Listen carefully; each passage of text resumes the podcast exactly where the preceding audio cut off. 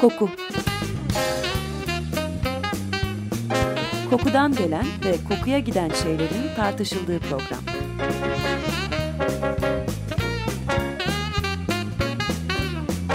Hazırlayan ve sunan Vedat Ozan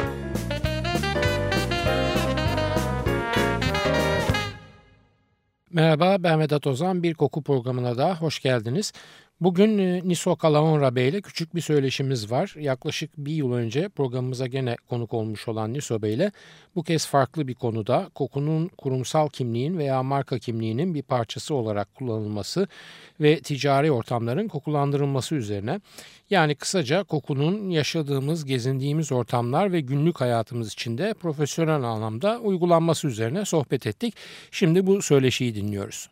Hüso Bey hoş geldiniz. Bir sene oldu aşağı yukarı biz sizinle görüşeli. O zaman Hunca'da ürün geliştirme müdürüydünüz değil mi? Pazarlama direktörü. Pazarlama direktörüydünüz. Üçüncü programımız falandı. O zamandan sonra... Son görüştüğümüzde iş geliştirme dedim. İş geliştirme, pardon ürün geliştirme, iş geliştirmeydi. Sizden sonra da bayağı parfümlerden bahsettik. Bugün başka bir kimlikle görüyoruz biz sizi. Ticari ortam kokulandırması ve Doğru. marka kimliğinin, marka kokusu diyebileceğimiz kendi şirketinizle beraber bu sefer karşımızdasınız. Bize biraz bahsedebilir misiniz? Yani siz bu işe nasıl başladınız ve marka kimliği olarak, duyusal pazarlama olarak kokunun kullanımı mı ilginç geldi? Bu konuda bize biraz bilgi verebilir misiniz? Ee, tabii ki memnuniyetle. Hunca'da öncelikle tabii 15 seneye yakın bir geçmiş dönem kozmetik tecrübesi oldu. Ee, Hunca tabii kokuyla çok iç içe yaşayan bir firma. Dolayısıyla bütün işte pazarlama tarafında özellikle ve iş geliştirme tarafında bütün o çalışmalar döneminde bildiğimiz e, büyük sizin çocuklar dediğiniz o parfüm evleriyle son derece yakından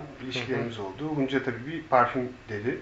E, orada koku ve parfüm seçimi e, aslında ürünün her şeyi, geleceğini belirliyor. Dolayısıyla özellikle bütün bu parfüm evleriyle yurt içi ve yurt dışı çok büyük araştırmalarımız oldu ve oradan da epey bir tabii tecrübe sahibi olduk. Kokularla da çok iç içe çalışmalar oldu. Bu sektörde dolayısıyla bizim ilgimizi çeken alanlardan bir tanesiydi. Özellikle 2005 yılında Martin Lindström'ün Türkiye'ye gelişiyle de ve işte o konferansa katıldık. Duyusal pazarlama gurusu diyebileceğimiz. Bravo. Konuya hakikaten çok dikkat çeken önemli literatür kaynaklarından bir tanesi Martin Lindström. Ve o dönemde kendisinin konferansında tabii ilk yeni ışıklar belirdi diyelim. Ama Hunca zamanında da Hunca'ya e, gelen bir takım talepler de bu konuyu destekledi. E, işte İstanbul Deniz Otobüsleri örneğin. Hmm. İlk böyle talep edenlerden bir tanesiydi. Kullanıyorlar Özellikle, mı şu anda öyle bir şey? Şu an kullanmıyorlar ama hmm. hani bekleme alanlarında oluşan e, kötü kokular artı işte gemilerde oluşan e, kötü kokuları gidermek ve hmm. daha mekanı e, hoş bir şekilde İstanbul adına da yaraşır bir şekilde kokutmak için talepte bulunmuşlardı. Bir takım proje çalışmaları yapıldı, bir fizibiliteler yapıldı. E, fakat tabii o dönemde ne İstanbul Deniz Otobüslerini ikna etme imkanımız oldu, ne Hunca tarafında ikna etme imkanımız oldu bütün bu gelişmelerle yeşeren ilk fikirler işte 2009'un ilk dönemlerinde canlıya geçti diyelim. Şirketi kurduk. Brand Essence firmamızın adı. Dolayısıyla profesyonel firmalara ve ticari markalara özel kokular ve sistemler aslında üzerine çalışıyoruz. Dünyada bu işi yapan hakikaten işte bir elin parmağını geçmeyecek kadar e, firma var konuya konsantre olmuş ve uzmanlaşmış.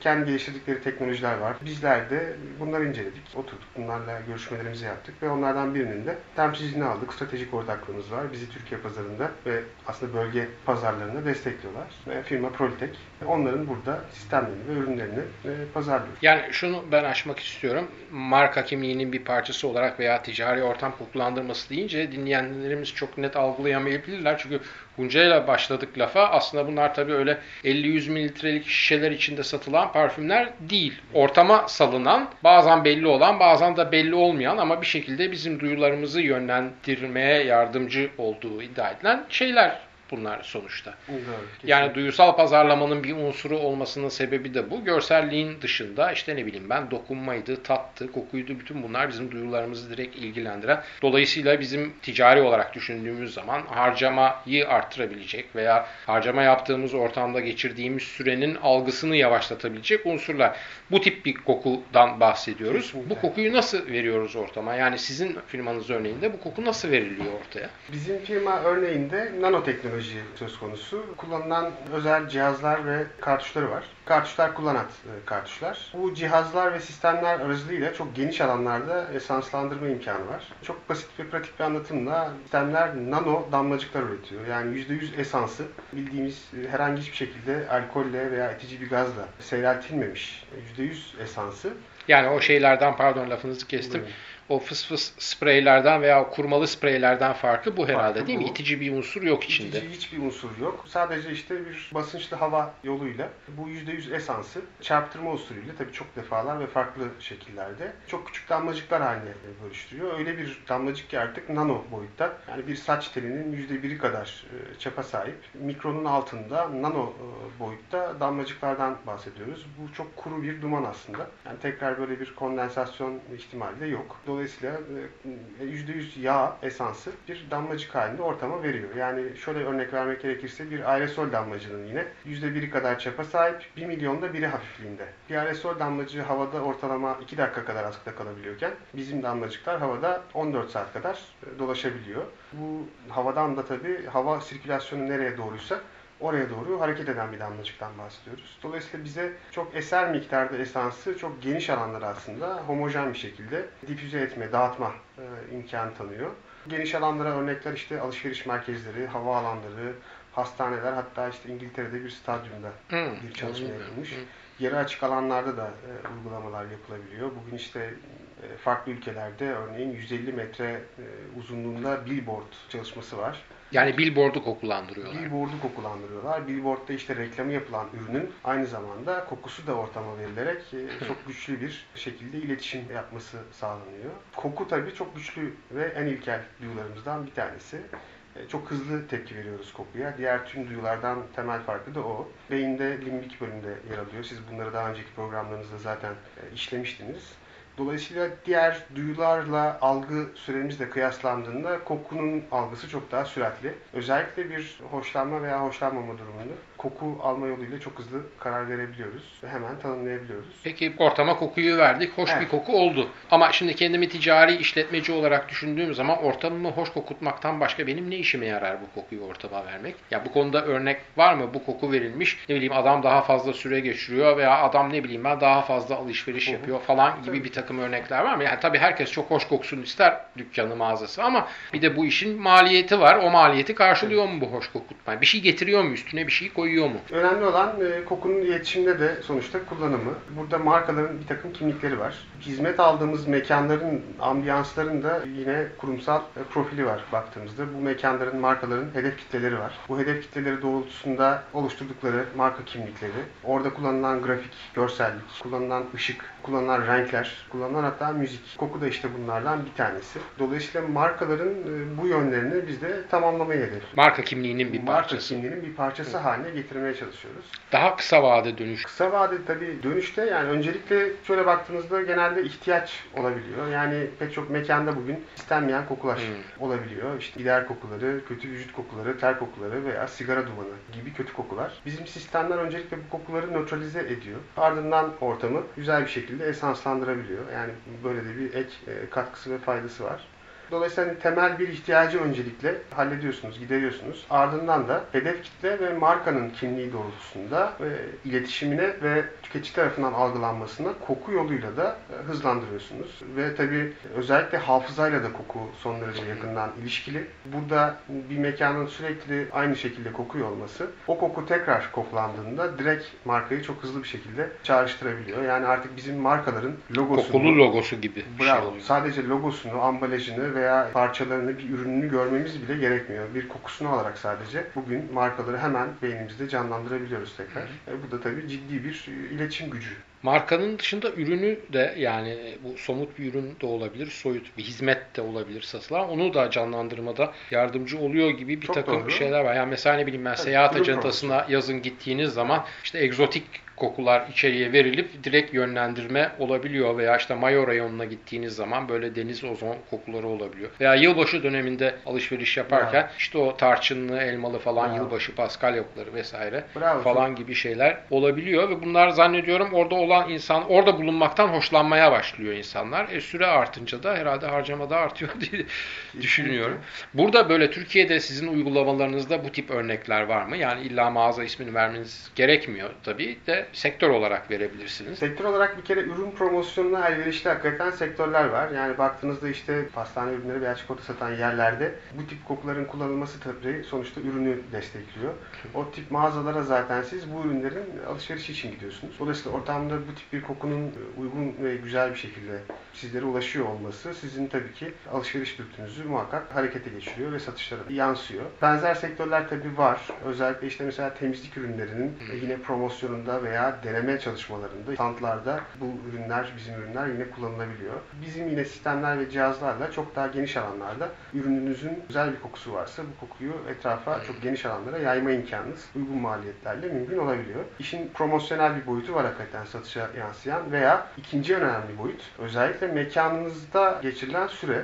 E, Yapılan hakikaten araştırmalar ortamda ortama uygun bir kokuyla beraber ve hoş bir kokuyla beraber çalışma yapıldığında içeride geçirilen süre algısının iki katına kadar çıktığı saptanmış. Galeri, Galeri içeride Lafayette'te siz- galiba. Ya. Galeri Lafayette'te Evet. yapılan bir çalışma. Siz içeride size sorulduğunda 25 dakika geçirdiğinizi zannederken aslında bir saate aşkın süre içeride vakit geçiriyorsunuz. Dolayısıyla aslında geçirdiğiniz süreyi hoş tutan, algısını yumuşatan, hoşlaştıran bir e, uygulama oluyor veya alışveriş merkezlerinde gene pek çok mekanda, perakende mağazalarda e, geçirilen süreyi bu şekilde arttırmak mümkün. Tabi bu da muhakkak sepet rakamına tutarına da bir şekilde e, etki ediyor. Bunları söyleyince şimdi herkes tamam hoş kokutayım dükkanı. Da süre geçsin gibi de değil. Doğru kokuyu bulmak lazım. Doğru segmenti tespit Bravo. edip veya doğru ürüne doğru kokuyu vermek lazım. Yani şöyle bir örnek okumuştum ben.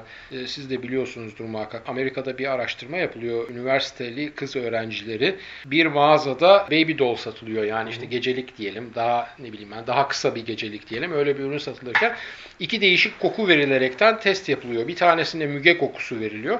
Bir tanesinde de ocean mist denen işte o deniz e, marin, ozon falan gibi böyle ferah bir koku veriliyor. Aslında ocean mist denen deniz kokusu da hoş bir koku. Ama Baby Doll bir geceliğin çağrışımlarıyla çok fazla ilgisi olmayan bir koku olduğu için müge kokusu sıkılmış olan gecelikler çok daha fazla satıyor. Çünkü daha feminen hissettiriyor. Çünkü daha intim bir şey gecelik. İşte Bravo. gece giyiyorsunuz yatak vesaire falan gibi. Onun için doğru yer ve doğru ürüne doğru kokunun seçimi de çok önemli zannediyorum. Kesinlikle yani orada ürününüzün ne olduğu, hedef kitlenizin kim olduğu ve mekanın ne şekilde dekore edildiği, ışığın ne şekilde kullanıldığı hatta arkada kullanılan müzik bile son derece önemli. Yani bu konuda dünyadaki en önemli örnek Abercrombie Fitch örneği. Yani literatüre de hakikaten çok girmiş bir konu. Martin Nistrom tarafından da çok son derece işlenmiş bir konu. Abercrombie Fitch hedef kitlesi doğrultusunda mağazalarında çok müthiş bir grafik kullanımı, müthiş bir ışık kullanımı yanında müthiş bir müzik, çok yoğun ve son derece güçlü ve çok da güzel bir işte koku kullanıyor ve kokuyu da çok aşırı kullanıyorlar. Paketi Mağaza- eve gidip açtığınız zaman Abercrombie Fitch'in kokusu Bravo. dağılıyor diyorlar. Satın alınan her ürünün üzerine de bir zaten son aslında koku sıkılıyor. Abercrombie Fitch'in imzası olarak. O kokuyu zaten aynı zamanda mağazada da parfüm olarak satıyorlar. Hı E, Mağazanın dışına kadar taşırıyorlar. Baktığınız zaman mağazaların üzerinde herhangi bir logo bir şey göremiyorsunuz. Yani o mağazanın Abercrombie Fitch olduğu bilinmiyor. Fakat kokuyu aldığınız anda Abercrombie Fitch logosunu görmekle Abercrombie Fitch kokusunu almak arasında şu an artık e, çok da bir fark yok. Çünkü tüketiciler o kadar artık tanıyorlar. Kokuyu aldıkları anda beyinlerinde aynı bölüm canlanıyor. Fitch ile ilgili. Dolayısıyla baktığınızda duysal pazarlamanın gücü. Kokunun doğru şekilde kullanımı hakikaten son derece önemli. Marka kimliğine ve hedef kitleye uygun bir koku olması son derece önemli. Alakasız kokular seçildiğinde ve kullanıldığında tam tersi satış düşüşü etkisi görmek de Kesin değil mi? son derece e, olası veya beklenmedik etkileri e, olması son derece olası. Bu işler nasıl başlıyor? Yani bu kokunun gücünün içeride geçirilen zaman algısını etkilediği veya işte ne bileyim ben kendini daha enerjik hissettirdiği mesela bu işler nasıl başlıyor? Bir yerden birisi buluyor bunu. Çok eski zamanlarda yok. Bunlar yeni şeyler tabii ya. Duysal pazarlama zaten yeni bir şey aslında. Duysal pazarlama yeni bir şey aslında ama yani şöyle bir geçmiş dönemlere giderseniz ta işte aslında dinin bile temelinde Evet, çok eski kesin. çağlarda dahi kokunun hakikaten Üç dinin de kurumsal kokusu Bravo. var yani. Misk Bravo. ve gül işte İslam'ın, frankincense ve günlük işte Hristiyanlığın, mür, akasya ve tarçın da işte diyebilirim değil mi? Yahudiliğin Aynen. kurumsal Bravo. kokuları gibi bir şey zaten yani. Doğru. Dolayısıyla aslında işte tüketiciyle yine baktığınızda yani pazarlama bakış açısıyla bakarsanız kokuyla birlikte çok daha güçlü duygusal bağ kurma e, imkanınız var. Yine geçmişten, tarihten gelen bir takım aslında genetik diyebileceğim şeyler de var. Yani rahatlatıcı etkisi olduğu bilinen veya enerjik etkisi olduğu bilinen bir takım işte kokular var.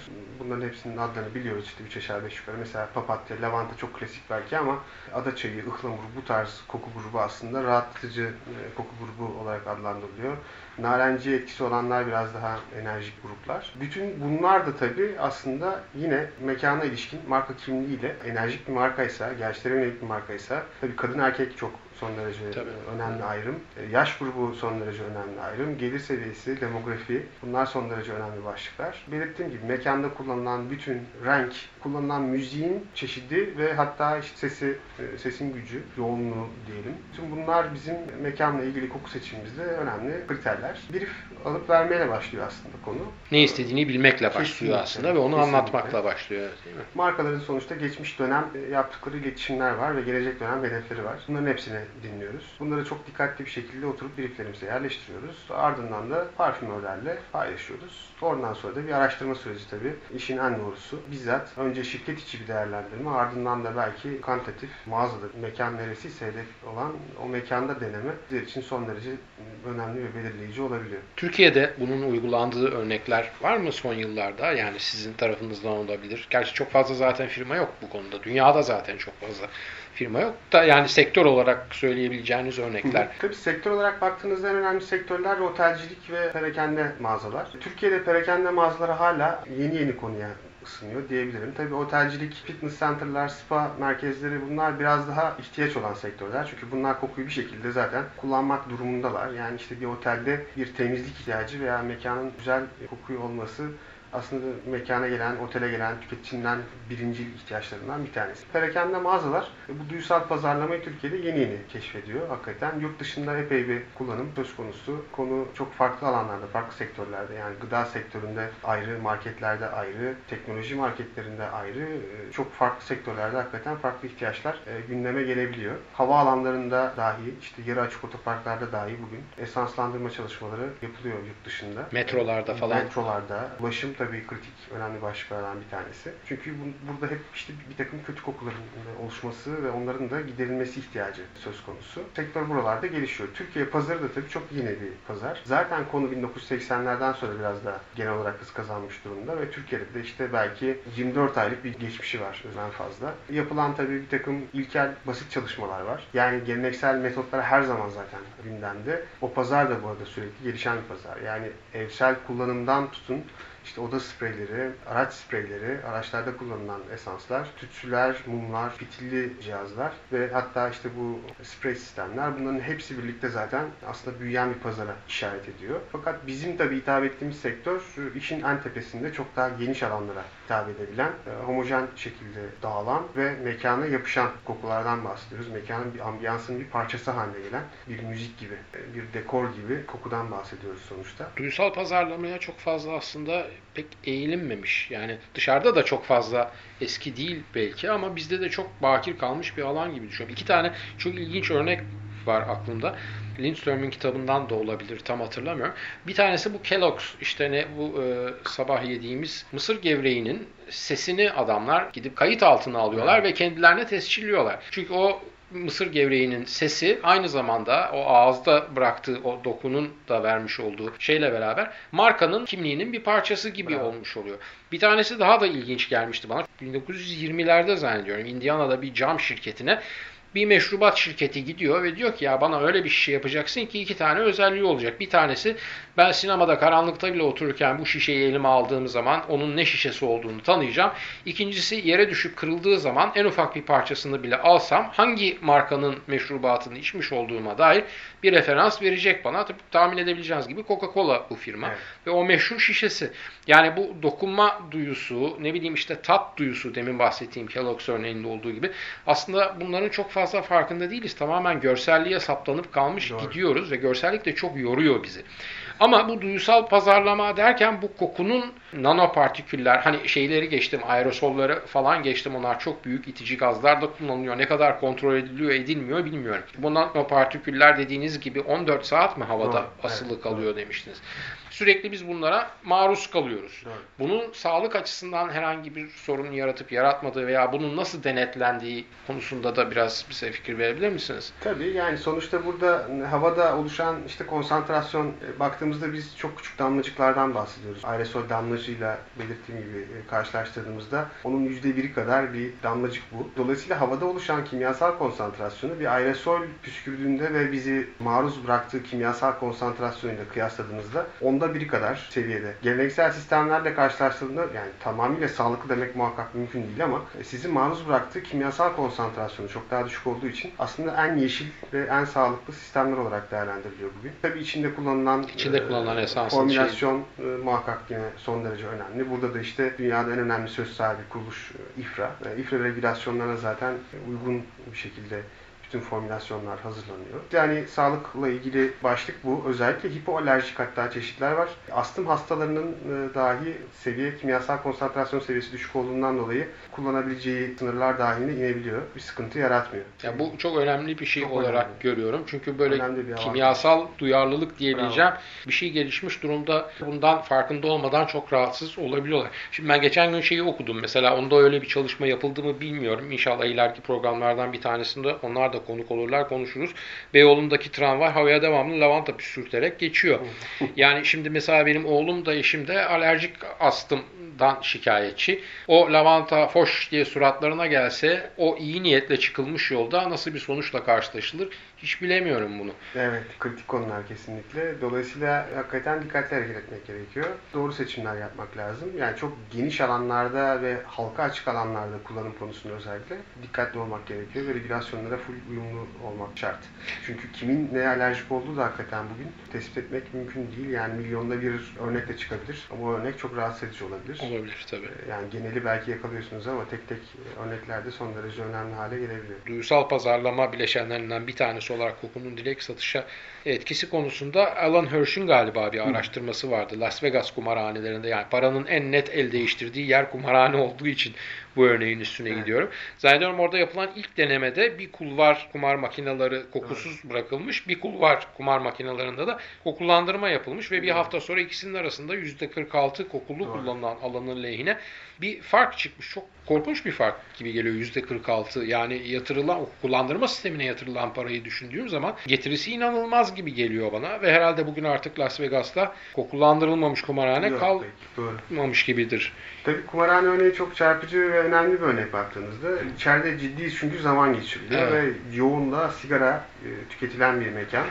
Dolayısıyla sigara dumanı altında zaten sürekli o kadar uzun zamanlar ve vakit geçirmek hakikaten çok e, yıpratıcı olabiliyor. Dolayısıyla kokunun etkisiyle hem bu sigara dumanlarının nötralize edilmesi yani hem enerji veriyor alınması, size tekrar hem süre algınızı. Hem tekrar size bir e, işte kokuyla enerji veriyor olması ve ortamın hoş bir şekilde işte esanslandırılıyor olması tabii gereği gibi yine dekorasyon uygun bir şekilde son derece önemli ve içeride geçiren süreyi belirttiğiniz gibi hem iki katına çıkarmış hem makinelerdeki kullanımı da iki katına kadar e, çıkarmış. Yani harcanan parayı da dolayısıyla iki katına kadar çıkarmış. Tabii kokunun duyusal pazarlamada önemi giderek de artıyor. Yani yapılan araştırmalar şunu söylüyor. Tabii inanılmaz bir görsel mesaj bombardımanı var. Günde ortalama 3000 e, aslında reklama maruz kalıyoruz. Çok farklı e, şekillerde. Hem bilinçaltı hem direkt olarak diyelim. Bütün işte dışarıda gördüğümüz outdoor, televizyon, her şeyi aslında için içine dahil ediyoruz. Aldığımız mesajların %83'ü görsel ve günümüz iletişim bombardımanında artık markalar hakikaten farklılaşamıyor. E, dolayısıyla yani kokunun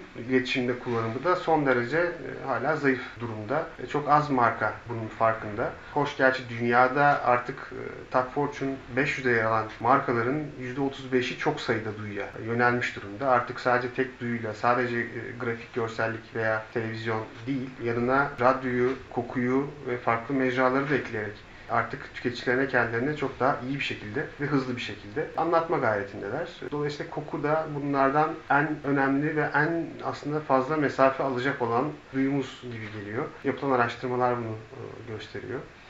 E, dolayısıyla konunun inşallah önümüzdeki dönemde e, giderek daha fazla yayılacağını düşünüyoruz. Peki Niso Bey verdiğiniz bilgiler için çok teşekkür ediyorum. Çünkü bu konuyu daha önce programlarımızda da işlememiştik. Önü açık sektörün diyorsunuz. Zannediyorum artık dinleyicilerimiz de gün geçtikçe bu tip mesajlarda yani kokusal reklam mesajlarına da muhatap olacaklar. Evet. Ümit ediyorum ki bunlar bir görsel kirlenme gibi kokusal kirlilik yaratmaz günün birinde.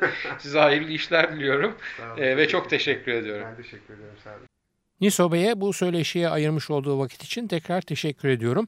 Kurumsal iletişimin yükselen yeni yıldızı olan duyusal pazarlamanın önemli bir ayağı olarak kokunun bu amaçla kullanımına zaman zaman geri döneceğiz ve bu konuda diğer bilgileri ve geçmiş deneyimleri de fırsat buldukça sizinle paylaşmaya çalışacağız. Haftaya bir başka kokuda buluşmak üzere veda etmeden önce soru, öneri ve eleştirileriniz için posta adresimizi hatırlatmak istiyorum. kokuprogrami.yahoo.com Ben Vedat Ozan, radyonuz kokusuz kalmasın sevgilerimle.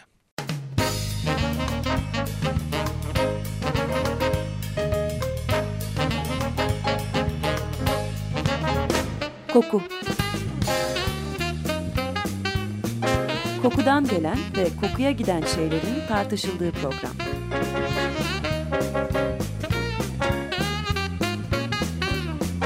Hazırlayan ve sunan Vedat Ozan